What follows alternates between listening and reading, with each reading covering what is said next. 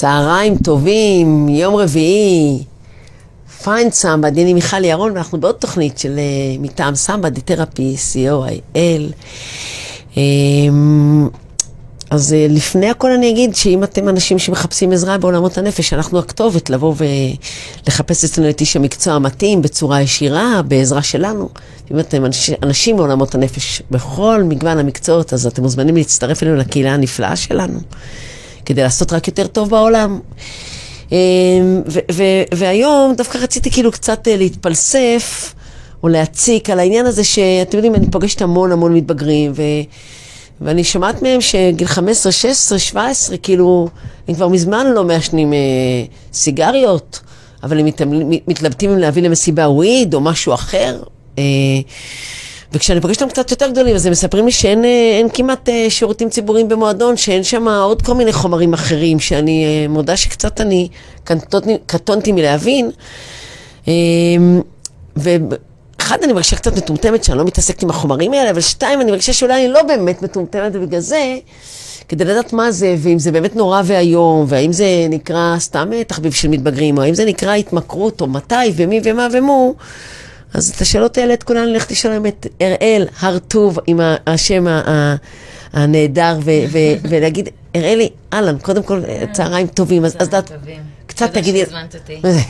זה לא הראשונה ולא האחרונה, יקירה, אז אולי גם קצת תגידי קודם כל למאזינים שלנו מאיפה את באה, ואחרי זה אנחנו גם אה, נראה איך מתקדמים. אוקיי, אז אני פסיכותרפיסטית, אדלריאנית, שאפשר אה, ככה להגיד שזה פסיכותרפיה חיובית.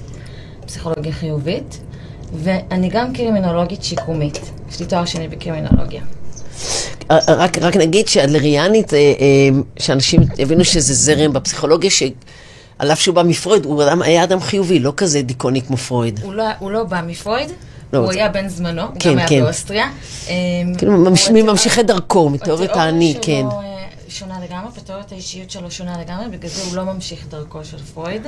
הוא פשוט פיתח אה, תיאוריה פסיכולוגית שנקראת אה, הפסיכולוגיה האינדיבידואלית, והיא שונה מאוד מה, מהפסיכולוגיה של פרויד. כל מושג האני, אגו, כל הדברים האלה, הם לא מופיעים אצל אדלר, הוא רואה את הדברים קצת אחרת. אולי ככה נדבר על זה בהמשך. אבל אני חושבת שאחד הדברים אה, הכי אה, מרכזיים בתיאוריה של אדלר זה שהוא רואה את הבן אדם כיצור יצירתי, אה, שנע כל הזמן ממצב של מינוס אל פלוס, כל הזמן אל עבר התגברות. זאת אומרת, יצירתי זה אומר שאם אני לוקחת, אם אני מעשנת גראס, זה הופך אותי ליצירתית, או השימוש בגראס זה שימוש יצירתי להתמודדות עם מצב אחר. מעולה, זה בדיוק זה. אמ, בשביל אדלר, התמכרות, כמו כל פעולה אחרת, היא בעצם אה, פתרון או חשיבה, של, חשיבה יצירתית של הבן אדם של מה יעשה לי טוב. אנחנו כל הזמן רוצים שיהיה לנו טוב. זה משותף לכולנו.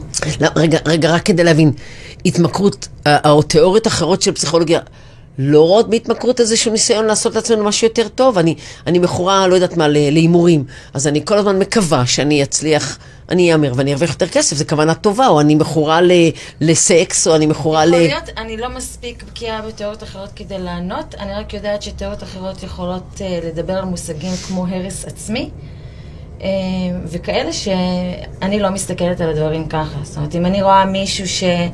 מכור למסכים, או מישהי שמכורה לסמים, או מכורה לעבודה, שהכל זה התמכרות, כל דבר... כמעט, ש... כל, כמעט כל מה שאמרת פה אני מרגישה, יודעת, גם אני מכורה לעבודה, אני גם מכורה למסכים. אה.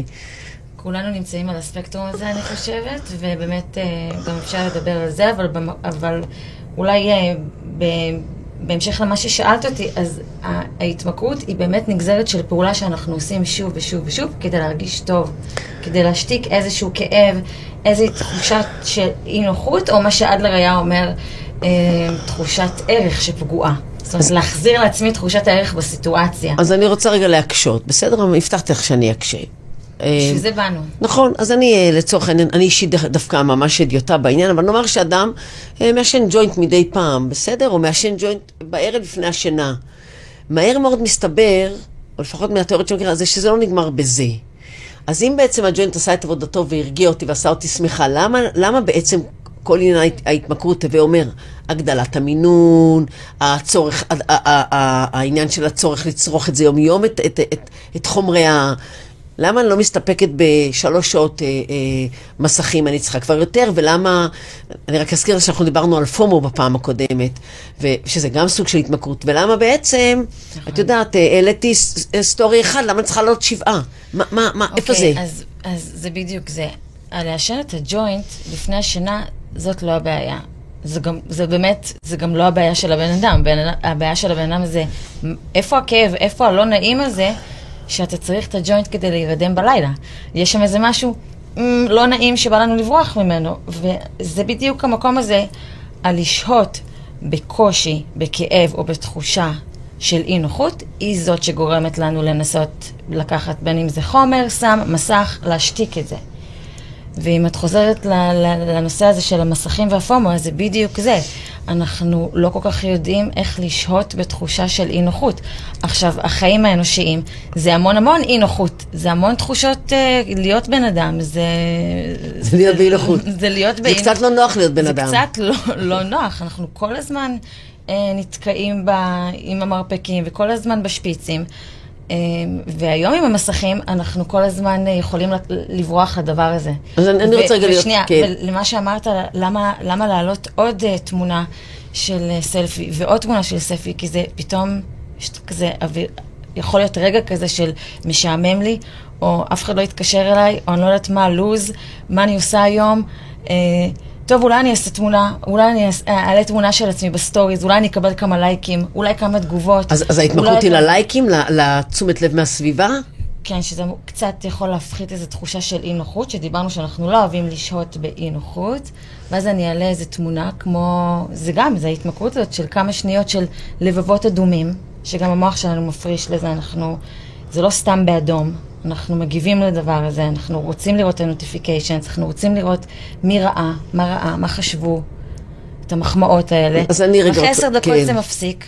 ואז אני צריכה לחשוב מה, עוד פעם, עוד איזה, פעם, עוד אבל פעם. איזה סלפי יותר מיוחד אני אעשה. אז מה, אז ההתמכרות היא בעצם לחומרים הכימיים שהמוח שלי מפריש כתוצאה מה... מה נניח, מ- מהגירויים האלה, ואז אני צריכה, כאילו המוח לא מפריש, אז אני מרגישה לא טוב, אז אני אייצר עוד תשומת לב, עוד איזושהי אינטראקציה זה מה שנקרא חיצונית. מדיקיישן. לכולנו, כולנו עושים את זה ברמה כזו או אחרת. אה, זה נהיה בעיה שזה נהיה אקססיבי וזה נהיה על חשבון דברים אחרים. אז זה, זה, זה, זה, מפריע שזה מפריע, כאילו, אם מישהו מוצא אה, פתרון והוא מעשן את הג'וינט הזה באמת לפני השינה, וזה באמת ממשיך ככה, וזה תמיד ג'וינט אחד לפני השינה, וזה מה שעוזר לו לישון, אז באמת אפשר להמשיך חיים שלמים כאלה, וזה לא מפריע אולי לאף אחד יותר מדי, אבל זה בדיוק מה שאמרת. שזה גולש. הג'וינט הזה הופך להיות גם לג'וינט בבוקר עם הקפה, וזה הופך להיות ג'וינט. לפני שאני נפגש עם אנשים. ואם זה לא גולש? אם זה לא גולש. אני- אגיד את זה אחרת, כדי להק- אני באמת, אה, אני באמת לא חושבת, אני חושבת שדברים המפריעים שהם הם באים על חשבון משהו אחד. אז, אז אפשר להגיד, רגע, אם הוא מעשן את הג'וינט הזה, והוא לא יכול לישון בלי זה, אז, אז, אז יש פה איזה מעקף שהוא עושה, כי מה יקרה אם לא תעשן את הג'וינט? יעלו אולי מחשבות שהן קשות, שאתה לא רוצה להתמודד איתן? אני, אני רגע, רגע, יודעת, אני, באחד הראיונות. אחד הפודקאסטים שעשיתי פה, ראיינתי איש שהוא היה בעצמו מכור הרבה מאוד שנים, והקים היום מרכז אה, לגמילה, והוא הגדיר נורא יפה התמכרות, כי אני מכירה את, ה, את ההגדרה של התמכרות מהספרות, תלות והסתגלות, אתה צריך כל יום את החומר, או כל הזמן את החומר, ואתה עם הזמן צריך יותר, ולכן זה, יש כאלה שטוענים אפרופו שגראס על, על פניו זאת לא התמכרות, ואת, כבר, כבר אני אראה, והוא אמר, התמכרות זה ברגע שזה מפריע לך. אז אני לרגע רוצה להגיד לך, תקשיבי, התחושה הקשה שתוקפת אותי לפני השינה, זאת אומרת, המחשבות על המשמעות שלי, וה... זה לא באמת עליי, אבל אתה והחשבון נפש להאם עשיתי היום מספיק טוב בעולם, והאם אני אסתדר כלכלית, ומה יהיה עם הילדים, ואיך הזוגית שלי תתקדם, ומה קורה עם המדינה, ועושים לי כל כך הרבה רעש. אז ביום אני מצליחה להתעסק. תקשיבי, זה גומר לי את הלילה, אני עייפה, לא ישנה טוב, במקום כדור שינה לוקחת ג'וינט, הולכת לישון, אנחנו מבחינת התפיסה האדלריאני- האדלריאנית, נגדיר את זה כהתמכרות או לא? אני לא מגדילה את הכמות ולא מרחיבה אותה ולא עוברת גם לחומרים אחרים. אני חושבת שאדלר אה, תמיד מתייחס על הבן אדם. כיצור הוליסטי, שפועל בשלושת מעגלי חיים, שזה אה, משפחה, אה, קהילה, זוגיות ועבודה, אוקיי? אמרת ארבעה, כי כאילו משפחה, כן, כי... משפחה וזוגיות זה, זה ביחד. אחד, קהילה ו... קהילה ו... ועבודה. והדוגמה שהבאת על סתם אדם שלא יכול כל כך לשהות, ב... שזה הרבה מאיתנו, לא, לא יכול לשהות בקצת כמה דקות של שקט, זה יקבל ביטוי גם במעגל העבודה וגם במעגל המשפחה והזוגיות. אוקיי. זה אומר לדוגמה שבמקום שנייה לשהות עם הילדים, הוא ילך למסך, הוא ילך לטלפון, והוא אה, יסתכל על קבוצות בוואטסאפ, או יגלוש באינסטגרם, או בחדשות, או בפייסבוק. זאת אומרת, אותה התנהגות שאי אפשר אה, למשל לשהות ב- בשקט, הדבר הזה שנקרא כאילו החיים, שזה לפעמים יכול להרגיש מאוד מאוד קשה, רגע, מה, מה, מה אנחנו עושים פה בעצם? יש איזה, אני חושבת שזה מקום מאוד מאוד אינטימי שאנחנו צריכים אה, לטפח עם עצמנו כדי לא לסבול מהשקט הזה, מהכלום. ואנחנו רגילים לתפוס את הנייד. ברגע שיש את האי-נוחות הכי קטנה, אנחנו באמת אה, איבדנו קשב, אנחנו, מאוד קשה לנו להיות עם עצמנו בשקט, קשה לנו לעמוד בתור, קשה לנו לעשות זה- כל דבר לבד, ואנחנו רצים למלא את הדבר. אני, אני רוצה רגע להתנגד. אני רוצה להתנגד. יאללה. כי, כי, כי כאילו, יש משהו ב, בשנים האחרונות, שכאילו בחלק הרוחני בו תעשה מדיטציה, מיינדפולנס, אני רגע קצת צינית נשמעת, אבל אני רוצה בכוונה להיות פרובוקטיבית. תהיה עם עצמך, תלמד להכיל את עצמך, תקשיבו, נו, זה לא החיים. אני קמה בבוקר, יש לי משפחה לפרנס, אני רוצה לעשות ספורט, יש לי חברים לראות, יש לי אה, אה, מדינה להציל. אה, אה, וואלה, אה, אה, אני לא שוהה עם עצמי. אני נוסעת באוטו, אני שומעת מוזיקה, אני לא באמת שוהה עם עצמי, ועדיין אני לא חווה את עצמי כמישהו שבורח מהמציאות. אז, אז אני כאילו, מח... זה גם, גם לפי אדלר, once אני לא נותנת לעצמי מספיק הקשבה פנימה, אני, אני בסוג של התמכרות. ההתמכרות היא מבריחה מעצמי. לא, אדלר, בוא, בוא נעשה שנייה סדר. מסכן, אדלר, הרגתי אותו. לא, הוא לא דיבר על הנושא הזה של לשהות עם עצמי, וזה זה אה, פרשנות שלי כאילו למשהו שקורה נראה לי בנקודה ההיסטורית הנוכ- הנוכחית. הוא דיבר על, אה, על זה שהתמכרות היא כל התנהגות שבאה על חשבון תפקוד, אה, תפקוד בריא של אינדיבידואל בתוך חברה, אוקיי, בתוך משפחה, קניתי. בתוך עבודה. על זה הוא מדבר. אז עכשיו- תמיד יש מחירים. תמיד יש זה מחירים. בסדר, אגב, אני- התמכרות יכולה להיות גם על פעילות של מדיטציה. גם, זאת אומרת, אם אני לא. יכולה להתחיל את הבוקר בלי מדיטציה, ואני אמורה הבוקר להתחיל מוקדם, ובגלל זה קמתי ואני עייפה כל היום, זה גם כן... אם את פוגעת לעצמך בסופו של דבר בזוגיות, או במקום העבודה שלך, או בקשר עם האנשים הקרובים, אוקיי, אז אפשר אהבתי. להסתכל על זה כהתנהגות שיש אוקיי. בה בסיס התמכרותי. ואז אדלר אה, יגיד שאנחנו כמטפלים צריכים לתת משהו במקום. זאת אומרת, אם אנחנו לוקחים למישהו, אם אנחנו מסתכלים על האדם כיצור יצירתי שבעצם תמיד מנסה להתגבר, לא תמיד בצורה שהיא טובה, אבל השימוש בסמים, או בחומרים, או בשתייה, או במסכים, זה פשוט ניסיון של בן אדם שיהיה לו טוב. אז אני... אז, אני... אז אדלר היה אומר, את לא יכולה לקחת לו את המסך או את ההתנהגות האקססיבית אם את לא נותנת משהו במקום. כי אנחנו צריכים להרגיש טוב, ואם את לא תתני למישהו... אז משהו במקום יכול להיות אופציה איזושהי שתיתן- מודעות, איזושהי יכולת הכלה, איזושהי הבנה יותר טובה שלי של עצמי, במובן הזה. נכון.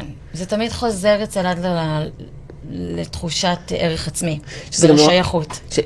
תכף נדבר על איך זה ולשייכות, אבל יש גם משהו נורא חיובי בגישה, כי הוא אומר, זה הכל בעיניים שלך, רק תסכים, רק תסכים לחפור ולהכיר. כל הפתרונות אה, הם אצל המטופלים, אז, אז, אצלנו. אז אנחנו נדבר תכף על ערך עצמי, אני רוצה רגע, רגע לשאול עוד משהו שקשור לעניין של הכימיקלים, ואחרי זה ננסה קצת להרחיב בנושא של, אה, של ערך עצמי. אה, נניח בשנים האחרונות כל העניין של הרואין וקוק מאוד מאוד עלה. חבר'ה, ואני פוגשת חבר'ה צעירים שמספרים לי, אני, אני על בסוס קבוע יוצא למסיבות, אם אני לא משתמש אז אני יוצא דופן, לא נעים לי בכ... יש חבר'ה שאומרים לי, תקשיבי, אני צריך להתנתק מחברים שלי, כי זה מה שהם עושים כשנפגשים ערב ערב. זאת אומרת, התרבות החברתית, שהיא חלק מהתפקוד אצל אדלר, אומרת, בואו ניפגש בערב, וכל אחד יעשה קוק, ו... ואז יהיה לנו נורא כיף לבלות ביחד. אבל אני מוציאה את עצמי מן הכלל ולא יכולה להשתלב חברתית, כי אני לא מוכנה לעשות. ונעשה איזושהי התמכרות סביב העניין הזה היום בה. תגידי לי על זה קצת. אה, שבאמת אה, אני מסכימה, זה נעשתה, יש איזה סוג של התנרמלות ל- לסם שהוא קשה. למה הוא קשה, דרך קוקאין אגב? הוא סם מאוד מאוד קשה, הוא מאוד מאוד מסוכן למערכות של הגוף, הוא מאוד מסוכן ללב, והוא מאוד מאוד מאוד ממכר. אז אי אפשר להגיד אותו ככה באותה נשימה עם מריחואנה, עם גראס, כי זה לא אותו סיפור. לגבי מה שאמרת קודם על גראס, בוודאי ובוודאי שיש התמכרות לגראס, אבל היא לא פיזית, היא מנטלית. אה, היא רגשית. נגיד, היא רגשית, היא מנטלית, היא, היא לא פחות. בן אדם מסגל לעצמו לוז סביב אה, הג'וינטים, בוודאי ובוודאי.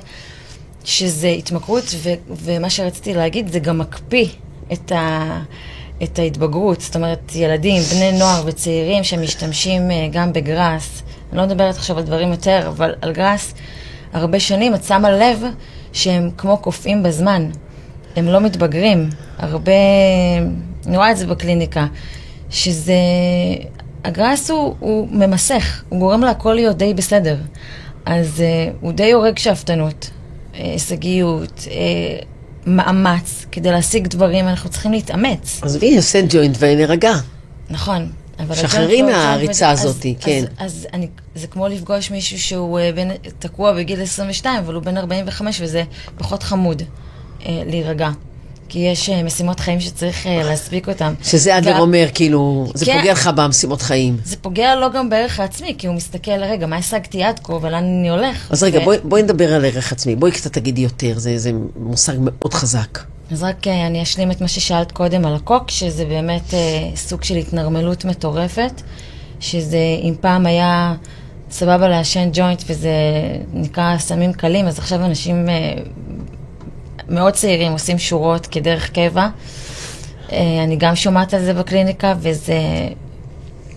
אין שום אה, ניסיון להסתיר או בושה סביב זה, זה ממש נהיה מגניב וחלק ממה שעושים, ולא כזה סיפור, אבל למען האמת זה, זה, זה נורא. זה סם מאוד מאוד קשה, והוא חדר לסצנה, אני יודעת, בתל אביב ובכלל, בכל מיני גילאים, ואנשים, אה, אולי יש אנשים שמצליחים לעשות זה פעם ב, אבל הפעם ב הזה הופך לפעמים לפעם בשבוע. והפעם בשבוע הופך ל... לפעם ביום, ואז אתה, באמת מחכה, כבר אתה צריך... מחכה לבילוי השבועי הזה כבר. כן. ואז אתה מגיע, חכה לערב. וזה סם מאוד מאוד, א', קשה, בפיזית מה שהוא עושה, גם במנטלי. מה הוא עושה? בפיזי הוא, הוא באמת, אה, הוא פשוט, הוא מקריס את המערכות של הגוף. זה, זה, וגם ברמה של המוח ותאי המוח ובלב, הוא מאוד מאוד מסוכן ללב. מי שנגיד יש לו אה, אפילו רשרוש בלב או בעיות של לב שהוא לא ידע, זה, זה יכול להיות מאוד מסוכן. זה יכול לגרום לפרכוסים, להתקפי לב, לדום לב, לכל זה מיני דברים. כאלה.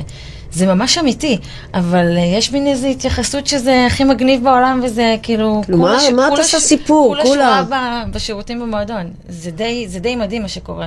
זה איזושהי, משנות ה-80 היה איזו עלייה של הסם הזה, שזה נהיה מאוד מגניב ומאוד פופולרי, אז עכשיו זה קורה אחרי 40 שנה עוד פעם. הסם הזה נותן את העלייה שלו, וזה זה חמור, כי, כי הרבה אנשים אה, נהרסים להם החיים לגמרי, ויש לו מין כזה מוניטין של סם סקסי ומגניב, ואנשים לא רואים את היום של האחרי, שמה זה אחרי זה להיכנס לגמילה ולשקם חיים. ממש לא סקסי ו- ולא מגניב. אם- את- את את קרימינולוגית שיקומית, את בטח מבינה בזה יותר, אז אם נספיק נדבר גם על זה אחר כך קצת, אני לא- לא מאמינה שנספיק את הכל היום. ונאלץ- מלא, מלא מה... לא, לדבר, ונאלץ להיפגש עוד כן. מלא. זה. כיף לנו. אבל בואי באמת נדבר קצת על ערך עצמי. תגידי לי קצת לעומק, זה כאילו נראה לי מושג כל כך מורכב וכל כך הכרחי להבין אותו. אז בואי תשאלי אותי משהו יותר ספציפי, כי זה באמת כאילו הלב של התיאוריה של אדלר. מה זה ערך עצמי? כאילו, אם אני קם בבוקר ואני טוב לי עם עצמי ואני אוהבת את עצמי, אז יש לי ערך עצמי גבוה, נמוך, אם יש לי אה, משימה שאני מאמינה שאני יכולה לעמוד אז יש לי כן. ערך. זהו, כן, נגמר? אה, תראי, זה קצת יותר מורכב מזה, כי אני מאמינה שיש משימות אה, שאת יכולה לבוא אליהן, ואת אומרת, כן, אני יכולה לעשות את זה, ויש משימות שנראות לך פחות, אבל אה, התחושה הזאת של הערך עצמי או מסוגלות עצמית הולכת איתנו לכל מקום. אה, השאיפה היא שאנחנו כבני אדם נהיה באיזשהו מקום יציב. לא בוואו, אני הכי טובה מכולם, ואני צריכה להצטיין כדי להרגיש טוב ולהיות יוצא דופן, ולא להרגיש אפס. ואני חושבת שהבעיה היא, אה, היא שיש טלטלה מאוד גדולה בתחושת הערך העצמי. אני, רגע אחד אני יכול להרגיש וואו, ושנייה אחר, אחרת אה, מישהו יגיד לי איזה משהו ואני ארגיש נורא ואיום. כן, ואת אמרת ערך עצמי ומסוגלות עצמית, אני רוצה רגע לעשות רגע לחדד. כן. דווקא בגלל שזה נושא שנורא מרתק אותי. מרתק אותי כי אני עובדת הרבה בני נוער שמתעסקים בספורט, והם באים אליי ואומרים, אין לי ביטחון עצמי. אני לא בטוח בעצמי, הדימוי שלי נמוך, וכשאני בודקת איתם אחר כך את תפיסת המסוגלות שלהם, אז אנחנו מגלים שיש דברים שתפיסת המסוגלות שלהם מביא כמה אני מאמין שאני מסוגל. שזה מושג אה, של בנדורה, שהוא חבר לא רע של אדלר כנראה משנות ה-70, אמר כמה אני מאמין שאני מסוגל לעשות דבר מסוים, אז הוא אומר, וואלה, לא מאמין בכלל. ודברים אחרים אני כן מאמין שאני מסוגל, ואז פתאום הוא מבין שזה כבר לא ביטחון עצמי. איפה ערך עצמי נכנס שם בכל האוסף מושגים האלה שבין מסוגלות עצמית לביטחון עצמי, לדימוי עצמי ולערך עצמי? מה ההבדל? הכל בסוף חוזר לכמה אנחנו כאינדיבידואלים יכולים להתמודד עם, אה, עם, עם המציאות. כי המציאות הלא רצויה היא כל הזמן שמה. בסוף, בסוף זה פשוט, האם אני יודע להתמודד עם היום או לא? אז מה הסיפור שאנחנו מספרים לעצמנו? אז אה, אני חושבת שזה הדברים ש... את יודעת, מי שמגיע לטיפול הזה בדרך כלל יש כאב מאוד גדול באחד ממעגלי החיים, אם לא יותר. כן. ואז אנחנו בודקים בטיפול מה, מה האמונות של הבן אדם על, על העולם, ואיך הוא משתלב בתוך זה. זאת אומרת, באיזה... אדלר קרא לזה אסטרטגיות לשייכות. באיזה מצבים אני מרגישה הכי טוב? עכשיו, חלק מהסיפור של הרגע ההיסטורי הנוכחי בתרבות שלנו זה להיות מאוד מוצלח, מאוד יוצא דופן, הכי טוב, הכי חכם, הכי חכמה, הכי יפה. ומה קורה בסיטואציות שאני לא עונה על התנאים האלה? אני יכולה להרגיש טוב, או שאני מרגישה אפס וברצפה? שבעצם זה... ערך עצמי. הוא תלוי חברה? הכל תלוי חברה, הוא מאוד מושפע מתרבות וחברה, אבל בסופו של דבר זה הסיפור האינדיבידואלי שאנחנו מספרים לעצמנו. כן הוא קשור לחינוך. זאת אומרת, אם במשפחה שלי משפחה, נאמר, שהיא נורא הישגית, והוריי אומרים, ידיעת מתמטיקה היא, זה מה שאת צריכה לדעת. תדעי מתמטיקה, אנחנו מעריכים את זה, אז חלק קצת הערך העצמי שלי יהיה תלוי ואם אני בכלל יצירתית ואוהבת מוזיקה, אז אני יכולה... אם פירשת את זה, זה שהמשפחה שלך, אה, זה היה מאוד חשוב, אה, אני מבינה את זה, ויכול להיות אח אחד שהפנים את, ה, את המסר הזה, ואח אחר או אחות אחרת לא הפנימה את זה. אבל בוא נגיד הפנמת את זה, שמתמטיקה זה הדבר הכי חשוב, ואת לא טובה כל כך במתמטיקה. אני טובה במוזיקה. ולא השקעת בזה, ולא ראית שאת מקבלת איזשהו פידבק חיובי מזה, את עלולה ללכת בעולם בתחושה שאת לא מספיקה. ולחפש אה, אולי כל מיני אנשים אחרים שיודעים מתמטיקה ו... את יודעת שזה מזכיר שאימא שלי, עליה שלום, שוואלה, בתקופה הזאת מזל שהיא לא סובלת את מה שקורה פה. אה, זה הזמן אולי להגיד דמוקרטיה? כן, אפשר לא, להגיד לא את זה? לא תשתי כזה ליד, אבל כשהיא הייתה מורה, לא יודעת, יכולים להוריד לנו את השידור ולהוציא את שתינו מהארץ, אבל היא הייתה מורה והיא תמיד אמרה, ילד צריך לעשות את מה שהוא טוב בו. זה היה הסלוג, זו הייתה האמונה שלה. אתה טוב וואו. בכדורגל, תשחק, אנחנו מדברים על אישה שהייתה מחנכת לפני 50 שנה, כן? 50, 60, אתה לא, אתה טוב, תשחק כדורגל. אתה טוב בחשבון, כאילו, ילד צריך לעשות okay. אוקיי. את מה שהוא טוב בו. זה ערך עצמי. כי זה בדיוק ההפך מהגישה של אדלר. אדלר אומר, אנחנו לא צריכים להיות מאוד טובים במשהו ספציפית. אה, קודם כל הוא מדבר על זה שהשייכות היא קיימת מעצם אה, היותנו. מספיק שנולדת, יש לך מקום בעולם מיוחד רק שלך. ואף אחד לא יכול לתפוס את המקום הזה. את ייחודית ומיוחדת מעצם היותך, כבר יש לך מקום, ויש לך שייכות, יש לך ערך. שהדבר הזה מתפקשש, שאנחנו גדלים. עכשיו, אימא שלך אמרה, מהמקום שלה, אמרה, לא, תעשה את מה שאתה טוב בו. במובן הזה שאתה לא צריך לעשות דברים שלא, שלא טוב לך, שלא כיף לך. תעשה דברים שאתה מרגיש עם עצמך, שזה נכון לך. אז זאת הבעיה, שאנחנו מאבדים את האומץ לעשות דברים חדשים. היא אמרה משהו נהדר, אל תדכאי אותי פה סליחה, עכשיו. סליחה, אני פשוט אה, מרגישה שאני צריכה לדבר מהתיאוריה האדלריאנית, כי...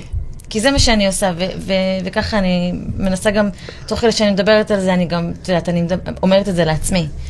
כי אני באמת מאמינה בתיאוריה הזאת, שהיא גאונית בעיניי.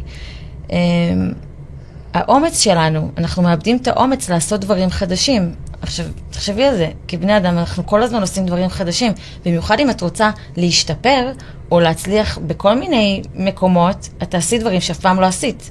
זה גיב, זה נתון, אי אפשר להתווכח עם זה. חייבת. עכשיו, אם אני עושה רק דברים שאני יודעת מאה אחוז שאני טובה בהם, אני עלולה למצוא את עצמי, רגע, הייתי לא שג... עושה הרבה דברים. נכון, רגע, הייתי שגרירה רעה. המסר הוא בדיוק הפוך, הוא נורא אדלריאני. הוא, אתה לא צריך להיות הכי טוב במתמטיקה אם אתה לא, זה לא בשזה אני אשפוט אוקיי, אותך. אוקיי. אם אתה טוב בכדורגל, זה נהדר. שחק כדורגל, תהנה. אתה לא צריך להיות תלמיד טוב בבית ספר. אתה לא צריך להיות, אתה צריך להיות מי שאתה. זה היה המסר. אתה, במה שאתה טוב, ונעים לך, את זה תעשה, זה בסדר. לא צריך לעשות דברים כי מישהו אחר חושב שהם נכונים. זה נכון, כן. זה, זה היה המסר. זה, זה בוודאי, זה בוודאי שאני לוקחת בשתי ידיים. אני רק אחדד את ה... את ה אולי את החידוש שלו, שבאמת אה, אנחנו לא צריכים להיות מצוינים. כל רעיון ההצטיינות אה, זה משהו שגורם להרבה צעירים, לכולנו, פשוט להרים ידיים ולא לעשות משימה. כי למה שאני אעשה את המשימה הזאת אם אני לא אהיה הכי טובה בה? כן. ואת רואה את זה בדור שמגיע אה, לטיפול, ואת רואה את זה בדור של המסכים, שרואה הכל הצלחה אינסטנט, ולא מבין למה. הם לא קוטפים את הפירות של ההצלחה של... למה אני לא סלב? למה אני לא מפורסם? למה אני לא מקבל את תהילת עולם? כי אין את הקטע של להתאמץ. מאמץ זה לצאת מאזור הנוחות. מאמץ זה אומר, אני עכשיו נתקלת במשימה, לא מכירה אותה, אף פעם לא עשיתי את זה. בואו ננסה לתקוף את זה, מה שיצא יצא. עכשיו, אם יש לך ערך עצמי סבבה, ועל זה אנחנו עובדים בטיפול, וזה משימת חיים, את תגידי, אוקיי, אם אני אצליח במשימה, נחמד, אם אני לא אצליח במשימה, אני אצליח פעם אחרת. הבעיה היא מתחילה שאנחנו מקשרים כישלון לתחושת ערך שלילית. לא הצלחתי במשימה, ואומר, אני טיפשה, אין לי יכולת לעשות את זה, אל תיתנו לי יותר משימות כאלה. והמשימות האלה הן מטאפורות לזוגיות. לא הלך לי בזוגיות, זה, זה לא בשבילי, אני לא אעשה את זה. קריירה, טוב, לא מצליח לי בזה, אני אפסיק. אה, לימודים, קצת קשה לי, נכשלתי באיזה קורס, זה לא בשבילי. כאילו אני אעשה דברים שיותר קל, אני טובה בלרוץ, אני רק ארוץ, רק, רק ארוץ כל היום. אני לא, לא אלמד באוניברסיטה, כי זה קצת... אה, אבל... הפגיש אותי עם קושי. נכון, יש פה, יש פה שני דברים. קודם כל, את יודעת, אה, אה, להיות מצוין או להיות טוב, זה ביחס לעצמי, לעשות משהו, ולהרגיש שאני בכל זאת עושה את זה, מבחינתי זה מצוינות. לצאת מאזור הנוחות ולעשות, לא באופן יחסי לאחרים. בעיקר אני אומרת לך את זה עוד במי שמלווה הרבה בני נוער שעוסקים בספורט ונורא הישגי, ותמיד הדבר הנורא חשוב זה, אני אומרת, קודם כל תהנה מהעשייה. אם אתה הולך לאימון ואתה אוהב את הספורט, זה הרווח. וכמה מזה מתאפשר בספורט תחרותי ליהנות מהעשייה? אין ברירה אחרת. זאת הדרך היחידה לשרוד ולהישאר שם. אם אתה עושה את זה בלי... איך אמרתי? היום אמרתי להורים, 70-30. אם אתה נהנה פחות מ-70 אחוז, ואתה יותר, אז תעשו לך להיות שם, אתה לא תוכל גם, גם, גם להצליח תראי, אדלר לא אמר, אה, חבר'ה, תהיו גרועים, ושיהיה לכם כיף. הוא גם לא אמר, תשאפו לבינוניות. הוא פשוט חשף איזשהו מנגנון שבעיניו הוא, הוא מה שעומד מאחורי רוב הפתולוגיות ובעיות הנפש. אה, שמה, אנחנו שיפוטיים ותחרותיים ו- ו- ולא מוכנים ו- ולא מקבלים את עצמנו? זה הנושא הזה של מה, מה הסיפור שאנחנו מספרים לעצמנו, שזה השייכות, זה תחושת הערך שלנו. ואם אנחנו מקשרים, וזה קורה בגיל מאוד מאוד צעיר, הקישור הזה של כישלון במשימה לבין תחושת ערך שלילית. עכשיו, תחשבי על זה, בן אדם שלומד שפה, הוא לא אמור לדעת את השפה. הוא אמור להיות גר... מאוד גרוע בזה. חד משמעית. הוא לא מכיר, הוא לא יודע. למה, ש... למה שתהיה טוב בזה? למה שתהיי טובה במשהו שאין לך מושג? את אמורה ללמוד, את אמורה לשבור שיניים, את אמורה לעשות המון המון טעויות. ואחרי כמה שנים להגיד, כן, טוב, אני מדברת ספרדית קצת. ואני כאילו, דוגמה לזה, אני לומדת ספרדית כבר שנים. ואני, זה טעויות, אבל זה המקום הזה שאנחנו לא רגילים, לי, אם נחזור ללשהות בלא נוחות, לשהות במאמץ, בקושי, ורוצים את התגמול המיידי המיידי כל ש, הזמן. שזה... זה. מוביל אותנו שוב פעם לתחילת השיחה של מה, מה זה להיות מכור. אנחנו, אנחנו צריך להסתכל על הבן אדם כאורגניזם שרוצה כל הזמן להרגיש טוב, להימנע מסבל. הגיוני, לא? דיב... כן, להימנע מסבל ולהיות, ולהיות בסדר. זה בא, את יודעת, שאנחנו מדבר, אדלר גם דיבר על, ה, על המרכיב החברתי, שאנחנו יצור חברתי. אנחנו לא... כן, אה, אני אומרת, אבל בחברה שלי, מה שעושים זה עושים אה, חומרים אסורים. יוצאים למסיבות, עושים חומרים אסורים, שם אני חיה. אני בשעות היום עובדת, יש לי פרנסתי מספיק. בערב אני מבלה עם חברים, עושה חומרים אסורים, הכל טוב. איפה הבעיה? אני לא אני מקצינה את זה, אוקיי? אני, אני לא חווה את עצמי בבריחה. זאת החברה שלי, זה הערכים החברת, החברתיים שלי, שם הזוגיות שלי מצליחה להתקיים. אמ, איפה הבעיה? מה הבעיה? אני לא כל כך בטוחה למה את מתכוונת שאת אומרת מצליחה להתקיים. אני חושבת שזה בדיוק, הסמים או ההתמכרות היא בדיוק מאפשרת לדברים איכשהו, את יודעת, על קרעי תרנגולת. אבל זה לא אומר שאת חיה בשגשוג, זה לא אומר שאת מרוצה. כן, אה, תסתכלי היום על, על. על הנוער התל אביבי, אני אומרת על החבר'ה, נאמר 25 לצורך העניין, עד אה, 35-40. אנחנו, אני פוגשת הרבה עכשיו איזה, איזה תנועה תל אביבית כזאת. אה, נכנסים לתוך העיר, העיר היא באמת מהממת, מפתה, כל יכולה, כמו שאומרים. אתה יכול להיות בעל מקצוע, כבר למדת. אתה הולך לך לעבודה, שוכר דירה, אתה לא חושב על המחר, אתה לא עסוק בלחסוך כסף. אתה עובד מספיק בשביל להחזיק דירה ול, ולממן מה שלך. ש- זה מה שהוויד, הגראס, זה מה שהג'וינטים מאפשרים, מאפשרים פשוט לשמור על סטטוס קוו. אה, מה הבעיה? יש לי מקצוע, נאמר, אני אה, פסיכולוגית, אה, אה, רופאה, אה, מהנדסת, אה, אשת הייטק. היום אחרי הקורונה חצי, אני בכוונה מגעילה לרגע, בסדר? אני היום אחרי הקורונה חצי מהזמן עובד בבית.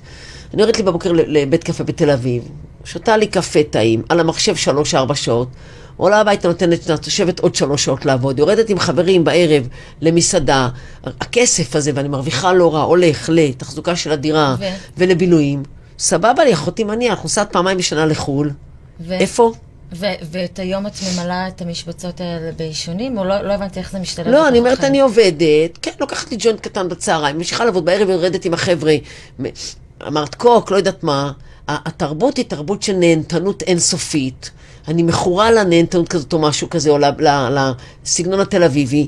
גראס כבר מזמן לא עושה לי יותר מדי התרגשות, זה ביום-יום, אז אני גם מנסה הירואין וקוק, ואת יודעת, אחרי זה שמעתי על רעל צפרדעים עכשיו שזה טרנדים. כאילו, יש הרבה דברים. כאילו, איפה, איפה אני יכולה לעזור למישהו להבין שזה, שזה, שזה מופרע? אני, אני מבינה מה שאת אומרת, אני מסכימה איתך. איך אני יכולה לעזור למישהו להבין שזה זה לא סביר? אתה לא באמת מרגיש שווה אם אתה רץ, כאילו זאת אני הטענה חושבת שלנו. שהתחושה הפנימית זה שזה לא סביר, כי קוקאין זה סם מאוד מאוד חזק, והתחושות הקשות שהוא עושה בגוף ובנפש הן שליליות מאוד.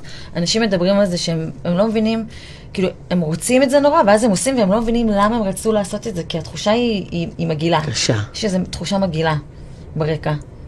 גם אם איזה או- היי ותחושה כזאת של יש לי את הדבר הכי חכם להגיד בחדר, זו תחושה כזאת של אה, עליונות. אבל אם אנחנו נחזור לתחושת ערך עצמי, אז עשית, עשית שורה בשירותים וחזרת לבר, ועכשיו אתה בן אדם הכי חכם בחדר, ויש לך אומץ להגיד דברים ולהתנהג בצורה שאלמלא לא היה לך אומץ. כן. ואז את חוזרת הביתה לחייך. והריקנות הורגת ואת- אותי. את חוזרת לתחושת הערך העצמי. עכשיו, אם בא לך עוד פעם להיות הבן אדם הכי חכם בחדר, או אומץ לדבר, או אומץ לעשות כל מיני דברים, אז את צריכה עוד את קוק. תעשי את זה עוד. אז, אז זה, הבן אדם שעוש, שנכנס למעגל מרגיש שמשהו לא בסדר. כאילו, אם ניסית להקשות עליי ולהגיד, כן, אבל הכל אז עובד. את אומרת, הוא יכחיש הוא תקופה, מרגיש, כן. הוא מרגיש שמשהו לא בסדר. הוא מרגיש שהוא מתחיל לשלם על זה מחירים. אגב, קוק אה, זה דבר מאוד יקר. את יודעת, זה, זה יכול להגיע לאלפי שקלים בחודש. זה לא שימוש שככה כן. על הדרך. את יודעת, הייתי באיזה, באיזה מסיבת בריכה לפני איזה שנתיים, כן, מתי שהקורונה ככה קצת תפתחו זה, מסיבת בריכה אחר הצהריים, ונורא נורא נהניתי, נורא אני אוהבת אה, כיף וחברים וזה, ואז אה, נורא הייתי עצמי, באתי לקחת בקבוק מים, אחת אמרת אמרה, אל תיגעי, זה מים, מים מסומנים, זה לא זה הבקבוק בשבילך. של ה-MD. לא הבנתי מה זה, באמת, יצאתי כל כך מטומטמת, אמרתי לה, אני מתה מצב, אמרה לי, אל תיגעי, תנו לה מים רגילים, היא הבינה שאני לא נוגעת בחומרים, כן, הסתובב שם בקבוק אמתי, תסבירי לי, אני אדיוטה גדולה? אה, התשובה היא כן. כן, זה, זה, אני חושבת שזה באמת, זה ידוע שבחתונות תמיד יש בקבוק של MD ואנשים עושים שורות של קוקאין, זה כבר נהיה, וג'וינטים זה, זה בכלל. בשנים האחרונות זה באמת העניין הזה של הסמים הקשים, זה באמת התנרמל. אה, זה, כי הדור יש הולך- בזה סכנה מאוד מאוד גדולה. אני אגיד לך למה, למה אני מקשה עלייך. כי אם אדלר דיבר שחלק מחוסר התפקוד הוא חברתי, אני מרגישה שאם אני היום הייתי צעירה ב-20 שנה וחיה בתל אביב, אני הייתי מנודה אבל חברתית. תסתכלי שנייה על, ה, על, על החיים מסביבנו, על המצב החברתי. אנחנו חברה שחווה עכשיו אה, משבר, ואיזו אי תפקודיות של הרבה מאיתנו. אז אם הרבה אנשים עושים אקסטה או MD במסיבות בריכה, וזה נהיה רגיל, ולעשות שורות, וזה נהיה רגיל, אז גם אפשר לשאול מה זה אומר על המצב שלנו, מה זה אומר שאנחנו זקוקים לאסקפיזם הזה כל כך, מה, מה, מה לא עובד, מה לא עובד. זה שכולם עושים את זה, אדלר לא היה אומר, אה, אוקיי, כולם קופצים מהגג, תק- תקפצי מהגג כדי להיות חלק משזורה בחוט החברתי הבלתי נראה. תנו ידיים ותקפצו לכם באוויר, לא, כן. הוא דיבר על זה שהחיים זה משימה לא נגמרת, מתמשכת, של, שמעבר של מתנועה, מהמינוס לפלוס. זאת אומרת, אנחנו כל הזמן אה, נתמודד עם אה, אתגרים וקשיים, ונצטרך אה, שנייה, אפילו אם זה ליפול על הרצפה, לזחול קצת ולקום עוד פעם, וזה שוב ושוב ושוב ושוב. הסמים או ההתמכרות לא מאפשרת לנו להתמודד. לצמוח, להתמודד, לחוות את הקושי ולגדול ממנו. את. אי אפשר, אי אפשר לברוח מהקושי, הקושי קיים, הוא חלק בלתי נפרד מהדבר הזה שנקרא חיים. הלוואי והיינו יכולות ככה להוציא את זה. לא יודעת, מי שרק. שומע אותך ולא רואה אותך לא יודע כמה את חייכנית, וכאילו את אומרת דברים שהם באמת נורא נורא כאילו פסימיים על החיים, שהחיים שזורים ודברים נורא קשים, אה, והאמירה היא, בואו לא נברח מהם, בואו לא, את נתמודד. יודעת מה, זה מעולה שאמרת את זה, כי אני חושבת, אני חושבת שאני לא פסימית. את מרימה לי. אני חושבת שזה העניין בדיוק, שהרבה מאיתנו גדלים באווירה של, אה, זה אמור להיות כיף, כל הסיפור הזה. החיים זה דבר כיף, זה אמור להיות קל. אני חושבת ככה, לא אמרתי קל, אבל זה אמור להיות כיף. מה זה כיף? זה אמור להיות שאני מפתחת לאורך חיי לא, לא, כלים. זה לא מה ש... אני, אני מדברת על זה שאין הכנה מספקת אה, של הורים אה, כלפי ילדים של מה זה החיים. ו, וגם נכנס לזה כל תרבות השפע והפינוק. והפינוק הזה זה שאנחנו לא מאפשרים לילד להתמודד שנייה עם תחושות קושי. תסכול, קושי, למה זה לא עובד, אה, לשהות בדבר הזה שאמרת, אני לא צריכה לשהות. אז אולי כאילו, את כן שוהה ואת כבר לא, את לא חושבת כן, על כן, זה אני שם. ככה, אבל... יודעת, אמ, ההורים שאלו אותי באיזה, שבוע באיזה כנס, אמרו לי, אה, כאילו, שאלו אותי שם בכנס, מה, מה מיוחד לדור הזה? למה ספורט? אמרתי כי, כי היום אפשר בלחיצת כפתור לפתור דברים, ובספורט אי אפשר. צריך לעבוד קשה. זה נכון, אני, אני נותנת כל הזמן את הדוגמה הזאת של, של אנשים שהצליחו כביכול, אה, הצליחו בקריירה, הגיעו למ- למצב שיש להם הרבה מאוד כסף, וכבר האתגרים של בתוך החיים נהיו ממש קלים, אז מה הם עושים? הולכים לטפס על הר, הולכים לכבוש רוצה, את זה. רוצה גירויים, רוצה עוד איזה- ועוד. בדיוק, יש, יש, כי זה חלק, מה, זה החלק הבריא שבנו, שרוצה אה, להתגבר על קושי. זה התנועה. שלא מפחד מזה. זאת התנועה קדימה לפי גם אדלר. להרגיש, להרגיש חי. הנה, התגברתי על משהו קשה. עכשיו, כמו שאמרת, כבר, כבר אתה מיליארדר או מיליונר, עוד חברה, פחות חברה שקנית, זה כבר לא נותן לך את הריגוש. אבל לטפס, הר תמיד יהיה הר, ואתה תמיד תהיה כבול למ- למ- למוגבלות הפיזית שלך. אז... אז אה, אני אפילו רואה את זה בכיוון השני, שנניח עבורי, חלק מהריגוש זה העובדה שאני יכולה כבר פחות לרצות לכבוש, פחות לעבוד שעות ביום. שאני יכולה מדי פעם להרשות לעצמי לעבוד פחות. זה גם, גם אה, אה, משהו משמעותי בערך העצמי, שאתה לא חייב עוד ועוד לכבוש כדי, אתה יכול אה, ליהנות מקצת שקט. מכלום, זה לא כלום, זה המון. נכון? אבל לא מפעולה. כי שהערך העצמי שלנו אה, צריך את הפימפום הזה של הצלחתי, הצלחתי, הצלחתי, הצלחתי. לייקים, לייקים, אה, לבים, לבים, זה יכול אה, להיות גם כן. אה, ציונים, זה יכול להיות גם מחמאות מאחרים, זה יכול להיות כל מיני דברים, כל סוג של התנהגות יכולה. גם להיות מאוד מאוד טובה ולהיות חברה מאוד טובה, גם יכול להיות סוג של התמכרות. אם אני כל הזמן החברה הכי טובה שלא יודעת להגיד לא למשפחה, לחברים, אז, וזה בא על חשבוני, זה גם סוג של אה, פעולה התמכרותית. התמכרותית של סגנון, זה סגנון התמכרותי. אנחנו מכורים לדרך חשיבה שלנו. אני חושבת שזה מה שמגניב וכל כך מדהים בטיפול האדלריאני, שאנחנו בודקים בעצם את, ה, אה, את התוכנת מחשב הזאת. אנחנו בודקים ממה היא בנויה. זה כמו קודים. ממה זה בנוי אצלך, ואז רואים מה עובד ומה פחות עובד. מה מביא סבל ומה מביא טוב. ואז מנסים לעבוד על מינונים. כשהחיים בעצם כל הזמן מאתגרים. נכון, וואו, שיבשת לי את המוח לגמרי. באהבה. לא, כי כאילו... זה היה כאילו- מסובך? לא, זה לא שזה היה מסובך, אלא זה כאילו, את אומרת פה משהו נורא מעניין. את אומרת, תקשיבו, כאילו, האדלר מדבר על, על העובדה שבואו תהיו חיים כל הזמן.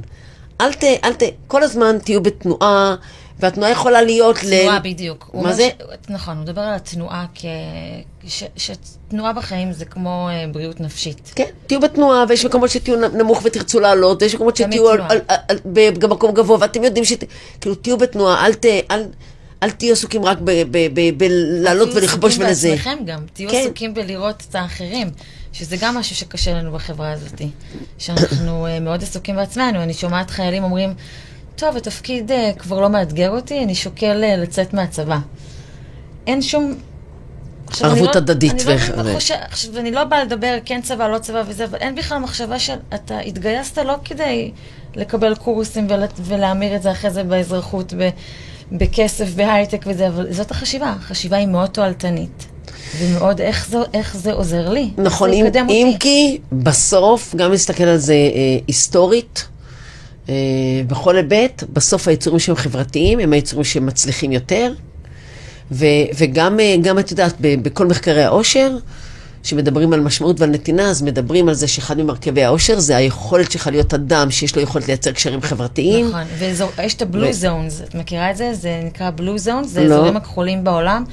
זה, זה אחרי הרבה מחקרים שעשו, ראו איפה תוחלת החיים הכי גבוהה. אז מצאו, יש איזה כמה מקומות ביפן, בקוסטה ריקה, בבוטן, שזו ממלכה שנמצאת כן, כן, כן, ליד ליד הודו. והודו. אז הם מצאו מה, הם הסתכלו מה המרכיבים ש, שגורמים לאנשים להאריך חיים עד מאה ומשהו פלוס פלוס פלוס. ו- לעשות חלק- סמים כל יום? חלק לא? מזה, לא, הם לא עושים סמים, הם לא גרים במשפחות גר, גר, גרעיניות, הם, משפ, הם גרים בתוך... אה, שבטים, נכון. לא משבטים, לא, קוסטה ריקה, יפן וזה, לא. זה משפחה מורחבת, קהילות. והם ביחסים מאוד מאוד מאוד טובים עם השכנים שלהם, כל חייהם. זה כאילו אותם שכנים. טוב שכן רחוק, וכולם, טוב, טוב שכן קרוב מאח רחוק. הם, הם באמת, הקטע, הקטע של החברתי, הקשרים החברתיים, ביחד עם גם תזונה שהיא לא מעובדת, מזון לא מעובד וכזה, מאפשר להם באמת להאריך חיים. ואני חושבת שזה באמת הקשרים החברתיים. אנחנו התנתקנו היום ממשפחות, ממשפחה, משפחה מורחבת, מקהילות. אנחנו הרבה זמן עם עצמנו, בתוך הטלפון, מרגישים. שאנחנו ביחד עם כולם, אבל אנחנו לבד. ואם אני חוזרת למה שאנחנו מדברות כל הזמן, זה בעצם שהיום כל התפקיד החברתי עבר שינוי, ו- ו- ועוד עם הקורונה, ובעיקר אצל הצעירים, שהקשרים החברתיים שלהם אחרים היום. יש פחות אה, אה, מחויבות, פחות אה, אה, דאגה לזולת, יש פחות, אה, ערבות הדדית מאוד מאוד ירדה. כי כן. כל אחד בסוף עסוק ב... בלרוץ אחרי הלייקים ולא בלרוץ אחרי הקרבה האמיתית. אני גם מקשרת את זה לחרדת ביצוע. ש, שזה, את רואה את זה גם, עלייה בחרדה חברתית. שאנשים לא כל כך צעירים, גם לא כל כך יודעים איך להתנהג בחברה, או לא כל כך יודעים איך, איך הם ייתפסו. אה, אז הרבה יותר נוח להישאר מאחורי המסך ולהעלות תמונות מפולטרות, עם פילטרים, שאני נראית הכי טוב, ש, שאפשר לעשות כל מיני מניפולציות שמוציאות אותנו בצורה עוברת, וזה משאיר אותנו אה, כזה נוגע לא נוגע. שם, אנחנו כאילו עושים לנו לייקים, אז אנחנו ביחד עם אחרים. אבל מצד שני לא כאילו- היינו שם, אז אנחנו כל הזמן עסוקים בביצוע שלנו. זאת אומרת, בעצם, בעצם האקט החברתי הפך לכמה לייקים יש לי ולא וכמה אנשים באמת קשובים אליי. כמה יודעת את שהייתי- קשובה לאחרים, גם כמה את מתעניינת בלהקשיב לאנשים אחרים, כמה את שואלת, מה, מה צורכי השעה, מה, איך אני יכולה לעזור כש- כשהייתי בת כאן? 15 הייתי בסדנה בתנועת הנוער, היה פעם תנועת נוער, וחזרת, הייתי באיזה מחנה כזה הדרכה, ואני לא אשכח את זה עד היום, ששלומית המדריכה דיברה על יחס חסה ויחס אבוקדו. ואמרה, כשאתה נכנס למקום של התנועת נוער וכל החבר'ה יושבים, ואת אומרת כאילו, וואלה, מה העניינים? אומרים לך חרא, את אומרת, שטויות תעבור וממשיכה, את בעצם לא שאלת מה העניינים כי התעניינת. ומאז, לעומת יחס אבוקדו, מה העניינים חרא, בוא נדבר. ומאז, כששואלים אותי מה שלומי, אני עונה את האמת. אני עונה אבוקדו, סתם. לא, כן, אז אני אומרת, מה העניינים? לא משהו, אז אומרים, כאילו, ואנשים לא, לא למה שאלתם? לא, מה העניינים? מה חדש? לא משהו, לא טוב. לא נורא, יעבור, תגידי, אפשר. ואני, זה, תגידי, מגיל 15 עברו מאז כמה ימים. חזק, אבל כן. זה אותו דבר, נכון? זה הלייקים האלה. תן לי שני לייקים, אבל עזוב אותך, אל תתעניין בי באמת. תראה שאני עצובה בתמונה, אז ת... כאילו, אל- בוא לא נהיה אותנטיים. וגם בוא, גם אין שום דבר אותנטי ב, ברשתות חברתיות. ועכשיו שיש קצת יותר מחקרים, אז uh, את יודעת, כל מי, כל מי שחוקר ובודק את זה רק אומר, אנחנו עוד לא יודעים את, את, רמות, הנזק. את רמות הנזק ואת רמות ההשפעה. אנחנו יכולים להעריך כל מיני דברים, אנחנו עוד לא יודעים עד, עד, עד לאן זה, זה ילך. ואני חושבת שהיום כבר מסתכלים על המכשיר הזה, אה, ולא יודעים אפילו איך לקרוא לו. כאילו סוציולוגים וחוקרים כזה אומרים, זה מזמן לא טלפון. אולי הדבר האחרון שהוא עושה זה... ברור שזה לא מקשר. טלפון. אה, הוא עושה כל מיני דברים אחרים, בין השאר גונב לנו את הקשב, גונב לנו מיומ- מיומנויות שהן מאוד חשובות, אה, שאנחנו אה, משלמים על זה מחירים נפשיים. אנחנו משלמים על זה מחירים נפשיים קשים אפילו. את מכירה את זה שאת נמצאת בתוך אפליקציה ואת רוצה להיכנס אליה? את לא, בתוך איזה לא- משהו, לא- ואת אומרת, אני אכנס... לא, אני כל כך לא טכנולוגית אנחנו שזה לא יכול לקרות לי, אבל אני כן, אני גם. תקועה במכשיר אז הנוראי מכירים את הזה. זה שזה קורה, שאתם באינסטגרם ובא לכם להיכנס לאינסטגרם? זה בטוח קורה גם לעוד אנשים, אני מקווה שאני לא היחידה. אז ואז את, אוקיי, איפה הייתי? את אומרת לעצמך, שנייה, איפה, איפה הייתי אם עכשיו אני בתוך כן. עושה משהו ואני... לא, אני קצת בדור אחר לשמחתי, ואני גם פחות אה, אסבול מהנזקים של הדרק הזה, אבל אה, ילדיי יצטרכו לשלם את אוקיי, המחיר. אנחנו חושבים שאנחנו יכולים לעשות... אה, אנחנו חושבים שאנחנו יודעים שזה עם פילטרים וזה לא משפיע עלינו, אבל זה משפיע עלינו ביג, ביג טיים. ואם אדלר היה אומר, היה אומר, הפילטרים האלה פוגעים לנו בתחושת הערך העצמי. נכון. ובגלל שתחושת הערך העצמי שלנו הרבה פעמים לא מספיק גבוהה, אנחנו בורחים ממנה. וחומרים ממסכים או התמכרות, זה אחת מדרכי הבריחה. הוא היה אומר, אולי זה אפילו מכניס אותנו לתסביך נחיתות, כי לכולנו יש תזוזות בתחושת הערך, ובאמת בטיפול אפשר להגדיל, לה- להעלות את רמת אה, תחושת הערך, וזה אחד מהדברים הכי מדהימים שקורים, כי לבד דברים אחרים אחרי זה, את יודעת, משתפרים אה, באופן אוטומטית. אז, אז תראי, אני, אנחנו, אני לא שמתי לב, אבל אם תסתכלי על השעון, אז תראי שאנחנו בקצה של הזמן. לא נתפס. נכון, אנחנו יושבות כבר ומדברות אה, כמעט 50 דקות. אז אני, אני רוצה רגע, לאסוף רגע, כי אין לי ספק שאנחנו רוצות לעשות פגישה על נושא של נחיתות ועליונות ותחושה, כאילו, זה נושא מרתק, מי שלמד קצת אדלר אה, אה, יודע, גם כולם חושבים שאדלר זה משפחות והורים, ואדלר זה ממש נכון, הרבה יותר. כולם חושבים שאדלר, מכון אדלר זה... כן, אז בואי נאסוף את זה רגע, כדי טוב. ל, לפני שאנחנו צריכות לס- נשמח לבוא לסכם. ולהמשיך לדבר עליו בכל הזדמנות. נכון. אה, אבל רק תאספי לנו קצת באמת איזה סיכום כזה על מה זה תחושת הערך, ואני ניסיתי לסכם את זה במשפט, אבל תעשי לנו את זה קצת יותר מקצועי מאשר ה... אוקיי, כולנו רוצים להרגיש טוב, וכולנו רוצים להרגיש שייכים, וכולנו רוצים אה, אה, באמת פחות לסבול. עכשיו, אנחנו עושים את זה בדרכים שונות, ו- ולפעמים אנחנו, אנחנו יצורים יצירתיים, אדלר אמר, אבל לפעמים אנחנו בצורה יצירתית בוחרים בפתרונות שעושים לנו רע לטווח הארוך. ואנחנו לא כל כך מזהים את זה, כי, כי לאותה שנייה זה נתן לי את, ה, את המענה. לא בא לי להתמודד, שנייה עישנתי את הג'וינט, או לקחתי את המסך, או רצתי, הלכתי לרוץ. אה, אה, עד כאן. לא.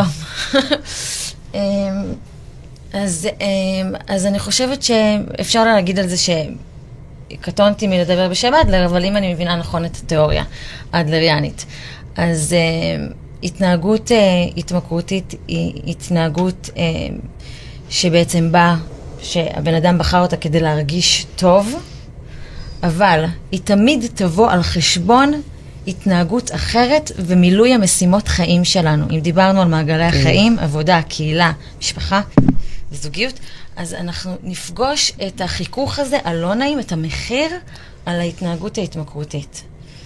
אה, ואפשר אה, אפשר לטפל בהכל. אפשר לטפל בהכל. וערך העצמי אולי זה הדבר הכי חשוב, שקושר בין כל סוגי ההתנהגות. אה, כי הוא בעצם, שאנחנו מרגישים כאב וקושי, זה אומר שמשהו בתחושת הערך שלנו נפגע. משהו בתחושת השייכות שלנו נפגע. תראי, אני חייבת להגיד שעכשיו, אחרי שאנחנו יושבות ומדברות, אני מבינה למה אה, כל מי שדרך סמבדי מגיע אלייך, אנחנו מקבלים ממנו לבבות אחרי זה ועוד ועוד באים. אז עכשיו אני עוד יותר מבינה את העניין הזה. וואו. הראל הרטוב, את פשוט מהממת. אני מודה לך, מותק. וזה רק ההתחלה. זה רק ההתחלה. אז אני לא אלך לרוץ עכשיו, כי אני כבר מרגישה שאני מכורה, אבל אני אלך הביתה ברגל מה... מה... זה וננהל שיחות טלפון כדי להיות חברית. מהמם. תודה ואנחנו, רבה. אה, באהבה מותק, ואנחנו מסיימים עוד מפגש אחד של Find Somebody, ואני מיכל ירון מ Somebody Therapy co.il, ואם אתם אה, אנשי מקצוע ורוצים להצטרף לקהילה שלנו, זה יהיה לנו לזכות. אתם אנשים, אנשים שצריכים עזרה בעולמות הנפש, מכל המגוון, מתחושת ערך עצמי נמוכה ועד קושי בזוגיות, או התמכרויות, התמכרויות, או סתם חרדה. רוצים להרגיש יותר טוב, אז אנחנו כאן בשבילכם. אה, צהריים טובים.